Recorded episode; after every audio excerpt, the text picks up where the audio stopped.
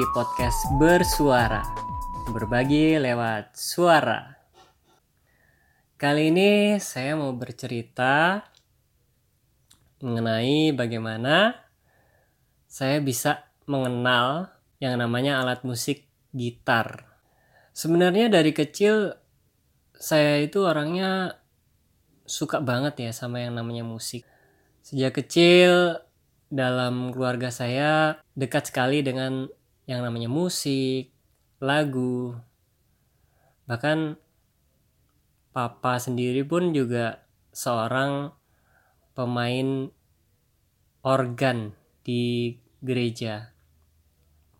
Nah, eh, saudara-saudara saya juga suka banget sama yang namanya zaman dulu ya masih ada yang namanya tip kompo atau radio kompo ya.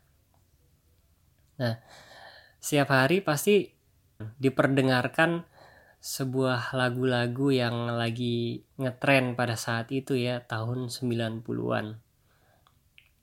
Ya kalau lagu baratnya itu ada White Lion, Firehouse, ada juga Scorpion, Queen seperti itu The Beatles uh, itu nggak nggak asing gitu di telinga saya. Yang pada saat itu masih anak kecil gitu ya. Terus kalau yang Indonesia itu yang sering saya dengar dulu itu di radio Dewa 19 Best Jam Jambrut Riff dan banyak lagi ya ada kahipna juga. Banyak lah ya. Singkat cerita eh, kakak saya dulu membeli sebuah gitar. Gitar akustik ya. Kebetulan ada pelajarannya untuk belajar gitar di sekolah. Nah yang namanya anak-anak ya pingin lah ya. Pingin tahu lah gitar itu apa sih. Nah waktu seingat saya dulu waktu saya masih kecil itu saya suka pangku gitarnya. Nah terus saya petik-petik gini nih atau kalau saya mau ikut-ikut gaya kakak saya lagi main gini.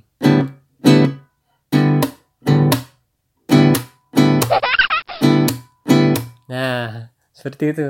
Saya apa ya kayaknya kok asik gitu. Apalagi dulu anak-anak muda tuh suka ngumpul di depan rumah. Mereka nongkrong pakai satu gitar nyanyi bareng-bareng. Wah kayaknya seru banget nih orang-orang nih.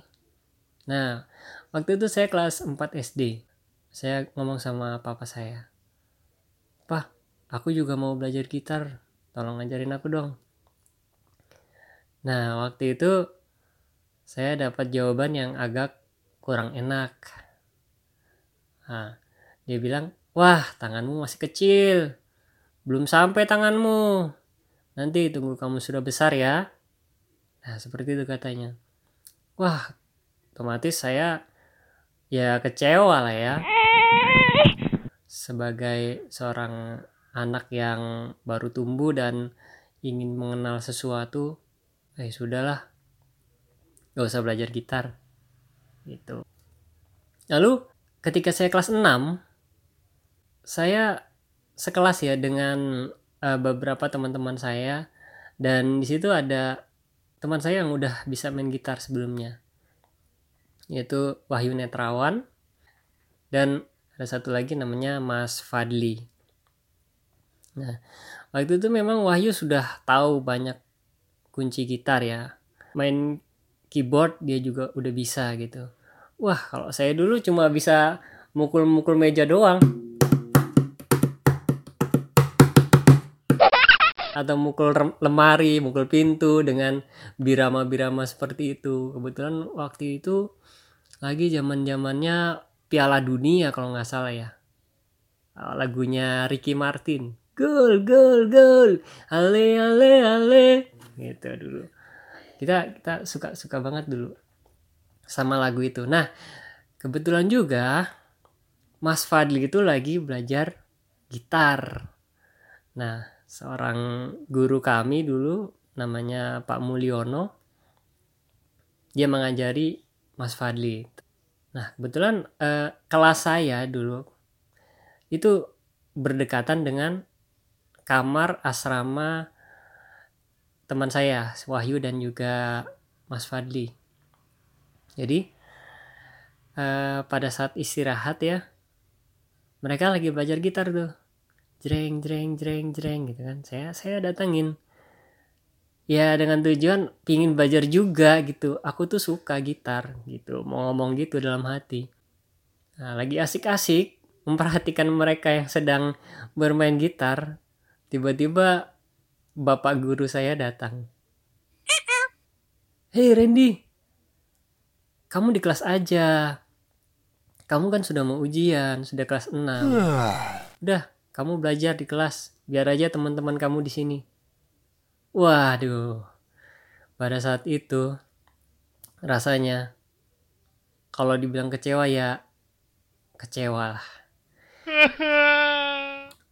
Akhirnya saya ke kelas, saya sendirian, baca buku, belajar dengan menahan rasa kecewa tersebut.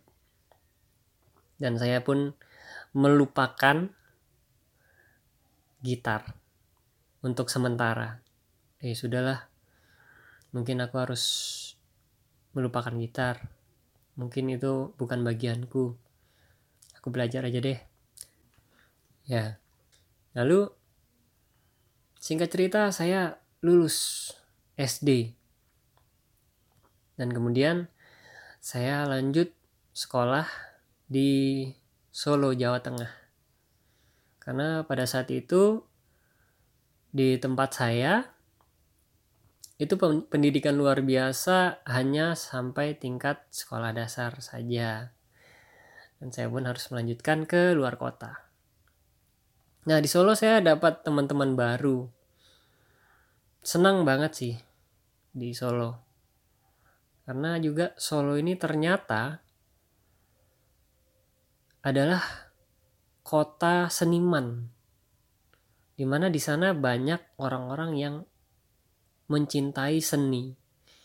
Banyak orang-orang yang mencintai budaya, khususnya budaya Jawa ya. Nah, senang banget waktu itu saya kenal dengan teman-teman baru apalagi ketika saya mengetahui bahwa banyak di antara mereka itu rata-rata bisa main musik. Senang banget tuh. Nah satu persatu lah saya kenalan sama mereka. Dan saya udah udah ini nih mengincar beberapa orang yang saya pandang ini hebat, orang ini hebat, orang ini pintar main musik.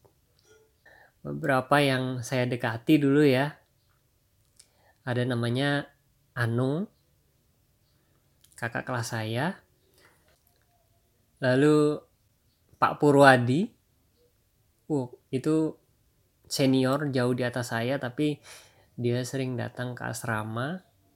Pak, Pak Purwadi itu salah satu master gitar lah di Solo dulu. Lalu Mas Prapto. Dia bisa juga main gitar dan pada saat itu ya saya suka dia cara mainnya. Nah, saya mulai datang lah sama mereka.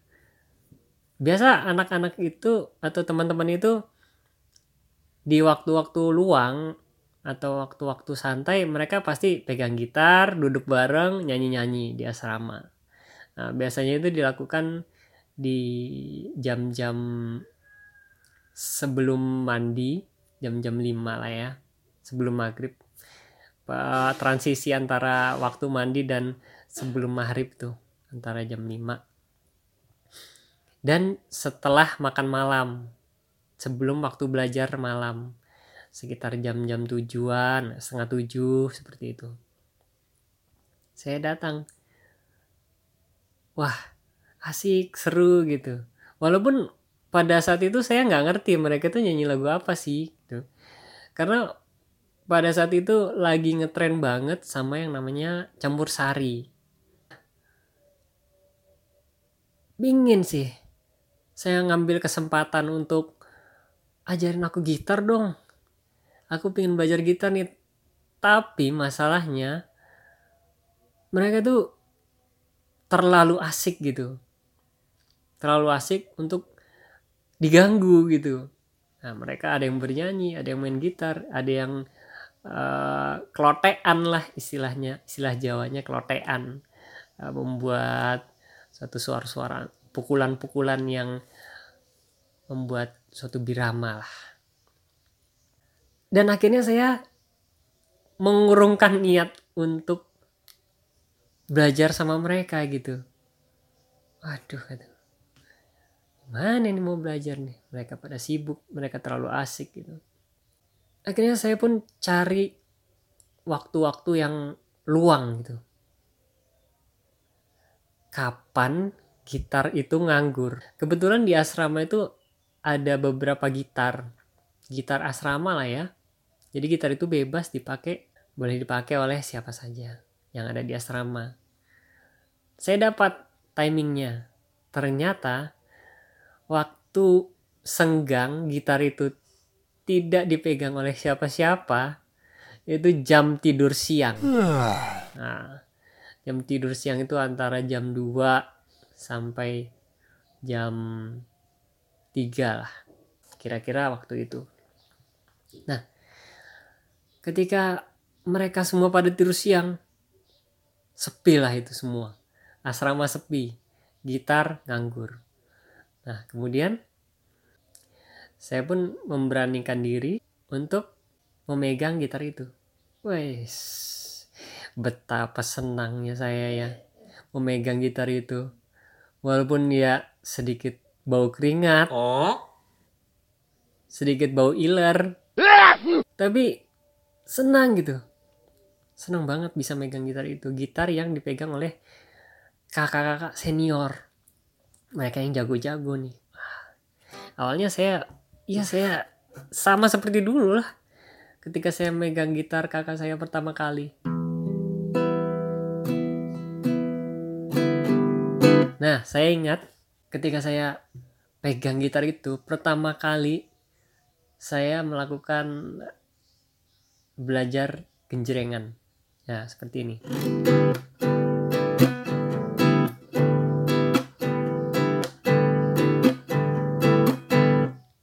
Karena kan teman-teman dulu mainnya campur sari. Nah, genjrengannya rata-rata seperti itu. Jadi apa yang nempel di kepala saya ya ya pukulan seperti itu gitu. Ya, pukulan seperti itu. Wah, ini saya lakukan berjam-jam dari teman-teman saya tidur sampai mereka bangun lagi. Itu sampai beberapa hari lah sampai tangan saya lancar untuk menggenjreng gitar itu. Satu kali ada teman saya yang lagi sendirian main gitar. Namanya Joko Sarjono. Eh, saya suka sih sama teman saya yang satu ini. Orangnya humble. Saya datang sama dia. Eh, ajarin aku main gitar dong. Oh iya katanya. Nah kebetulan Mas Joko ini suka lagu-lagu kenangan pada saat itu ya. Yang sering dimainkan sama dia itu lagu-lagu kenangan. Nah kayak modelnya kayak gini nih dia main.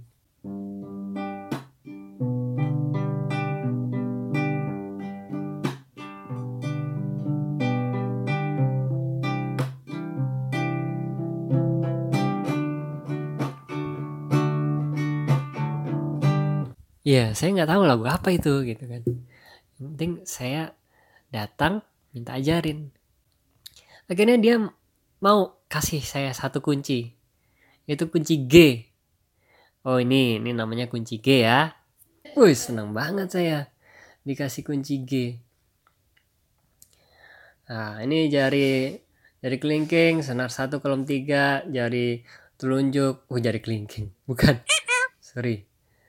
Jari manis senar satu kolom tiga jari telunjuk senar 5 kolom 2 dan jari tengah senar 6 kolom 3 wah yes yes yes aku dapat satu kunci gitar nih yes. Wih seneng banget. Akhirnya dengan kunci yang saya dapat itu saya latih terus tiap hari. Satu kunci itu terus dan pada saat itu belum bunyi. Belum ada suaranya masih jambu klutuk jambu klutuk gitu suaranya. Seperti ini.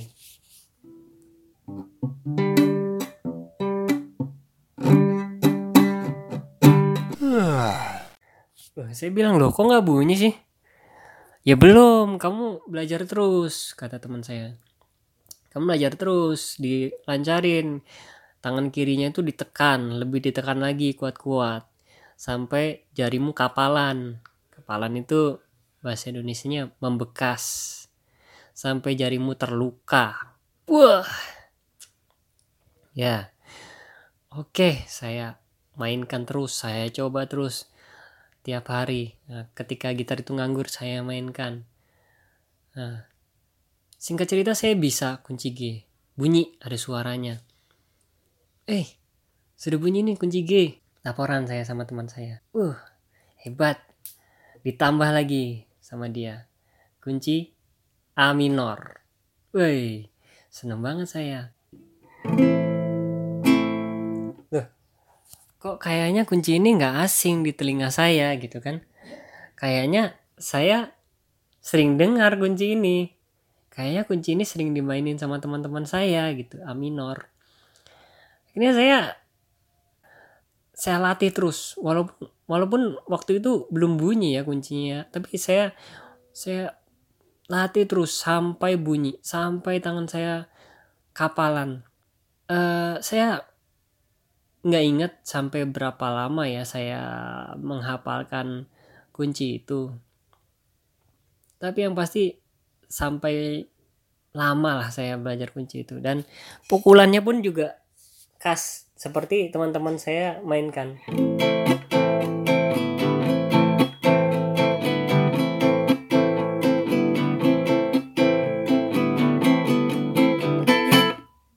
Ya seperti itu. Saya ulang-ulang saya ulang-ulang berkali-kali. Dan akhirnya wah ini ini ini bisa nih. Saya main gitar bisa ini. Bisa bunyi ini. Sampai satu ketika kakak kelas saya yang namanya Anung dia mau tidur siang. Nah kebetulan gitar itu uh, habis dia pakai. Saya datang eh kamu mau tidur siang ya? Iya ini aku pinjam, pinjam gitarnya. Oke sudah kamu main di sini aja katanya gitu. Nah, dia bilang kalau kamu main aku nyenyak tidurnya katanya gitu kan. Oh iya sudah saya main.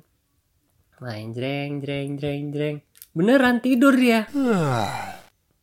saya nggak tahu ya apakah dia sedikit menghina atau memang dia merasa nyaman mendengar saya bermain gitar padahal cuma kunci A minor saya main, saya mainkan Iya. Begitu bangun dia bilang, wah aku tidur nyenyak aku. Randy main gitar. Dia bilang seperti itu. Waduh. Saya ya ya ya entah ini menghina atau atau beneran saya nggak tahu lah. Yang penting pada saat itu saya belajar terus sampai saya lancar. Dan uh, setelah kunci A minor kemudian saya ditambah lagi ada teman saya lagi namanya Maridi ya. Maridi itu betul-betul pencinta campur sari. Saya dikasih lagi kunci D minor dan juga E jadi tiga kunci itu jadi kunci andalan saya ketika saya memperlancar permainan gitar saya zaman dahulu ketika saya SMP nah jadi gini dulu.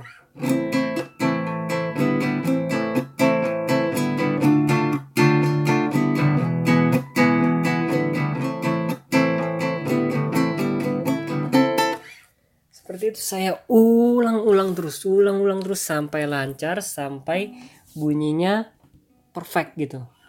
Dan saya saya suka suka banget sih sama uh, Maridi dan juga Joko Sarjono. Karena mereka nih orangnya humble ya. Saya saya minta ajarin pasti mereka ketika ada kesempatan mereka ajarin saya.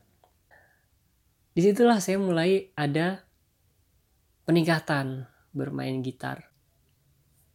Nah ketika tiga kunci itu sudah lancar nah, akhirnya saya bermain sebuah lagu pertama yang saya mainkan pada saat itu yaitu stasiun balapan. Walaupun waktu itu belum utuh ya lagunya. Saya bagian depannya aja nggak sampai interlude dan intronya sampai referen enggak saya baru depannya aja itu pun udah seneng banget loh zaman dulu pada saat itu. Ini Neng setesi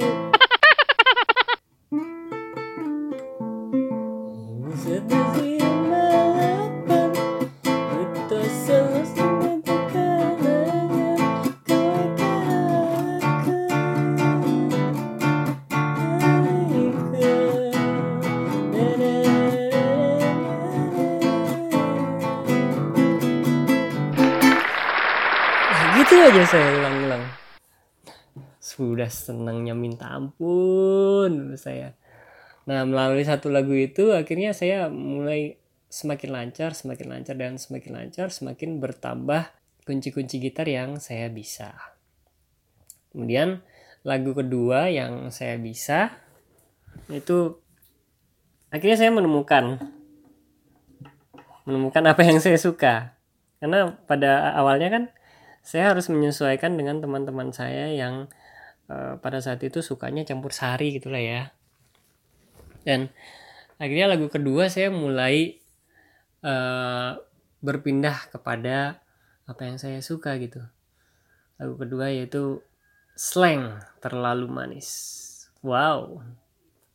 Ya itu itu kuncinya simple juga sih waktu itu. Dan yang yang bagian yang paling saya suka itu bagian bassnya tiang. Nah buat slankers pasti tahu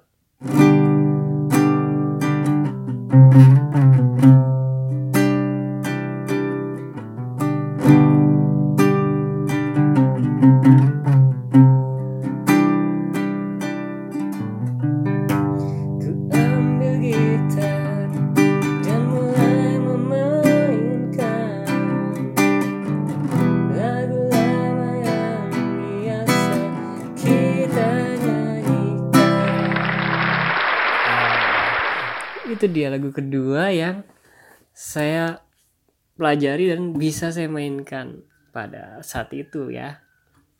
Dan itu udah menjadi lagu andalan lagu andalan saya ketika saya pegang gitar. Sejak saat itu saya semakin jatuh cinta sama yang namanya gitar ya. Jadi setiap ada waktu luang, setiap ada gitar nganggur, saya selalu pegang gitar. Saya selalu mainkan gitar itu dengan lagu-lagu yang sudah saya bisa. Nah, seperti itu. Uh, sampai akhirnya sekarang gitar itu udah menjadi hobi buat saya. Menjadi sarana saya untuk bergaul dengan teman-teman menjadi alat untuk saya semakin memperluas pergaulan seperti itu. Ya melalui gitar juga saya bisa dapat beberapa prestasi waktu saya SMA maupun ketika saya kuliah ya. Sampai saat ini pun gitar itu menjadi alat saya untuk pembelajaran di kelas. Jadi sangat berguna ya. Saya saya rasa alat musik itu sangat berguna buat kita ya sebagai seorang tunanetra ya khususnya. Uh, ya mungkin nggak nggak semua orang bisa main gitar, nggak semua orang bisa main musik. Tapi buat teman-teman yang suka dengan musik, suka dengan yang namanya gitar, nah alat ini nih sangat berguna untuk kehidupan kita. Asalkan kita gunakan dengan cara yang benar. Kita bergaul dengan teman-teman yang benar. Karena ada juga beberapa teman-teman yang gara-gara gitar pergaulannya jadi salah gitu. Enggak, bukan itu yang kita harapkan kan. Tapi dengan kemampuan kita, dengan skill kita, itu bisa membuat kehidupan kita menjadi lebih baik. Membuat kehidupan kita menjadi lebih dianggap oleh orang-orang yang ada di sekitar kita. Oke teman-teman, saya rasa cukup podcast kali ini. Terima kasih buat yang sudah dengerin. Semoga apa yang sudah saya bagikan dapat menginspirasi kalian semua yang sudah mendengarkan.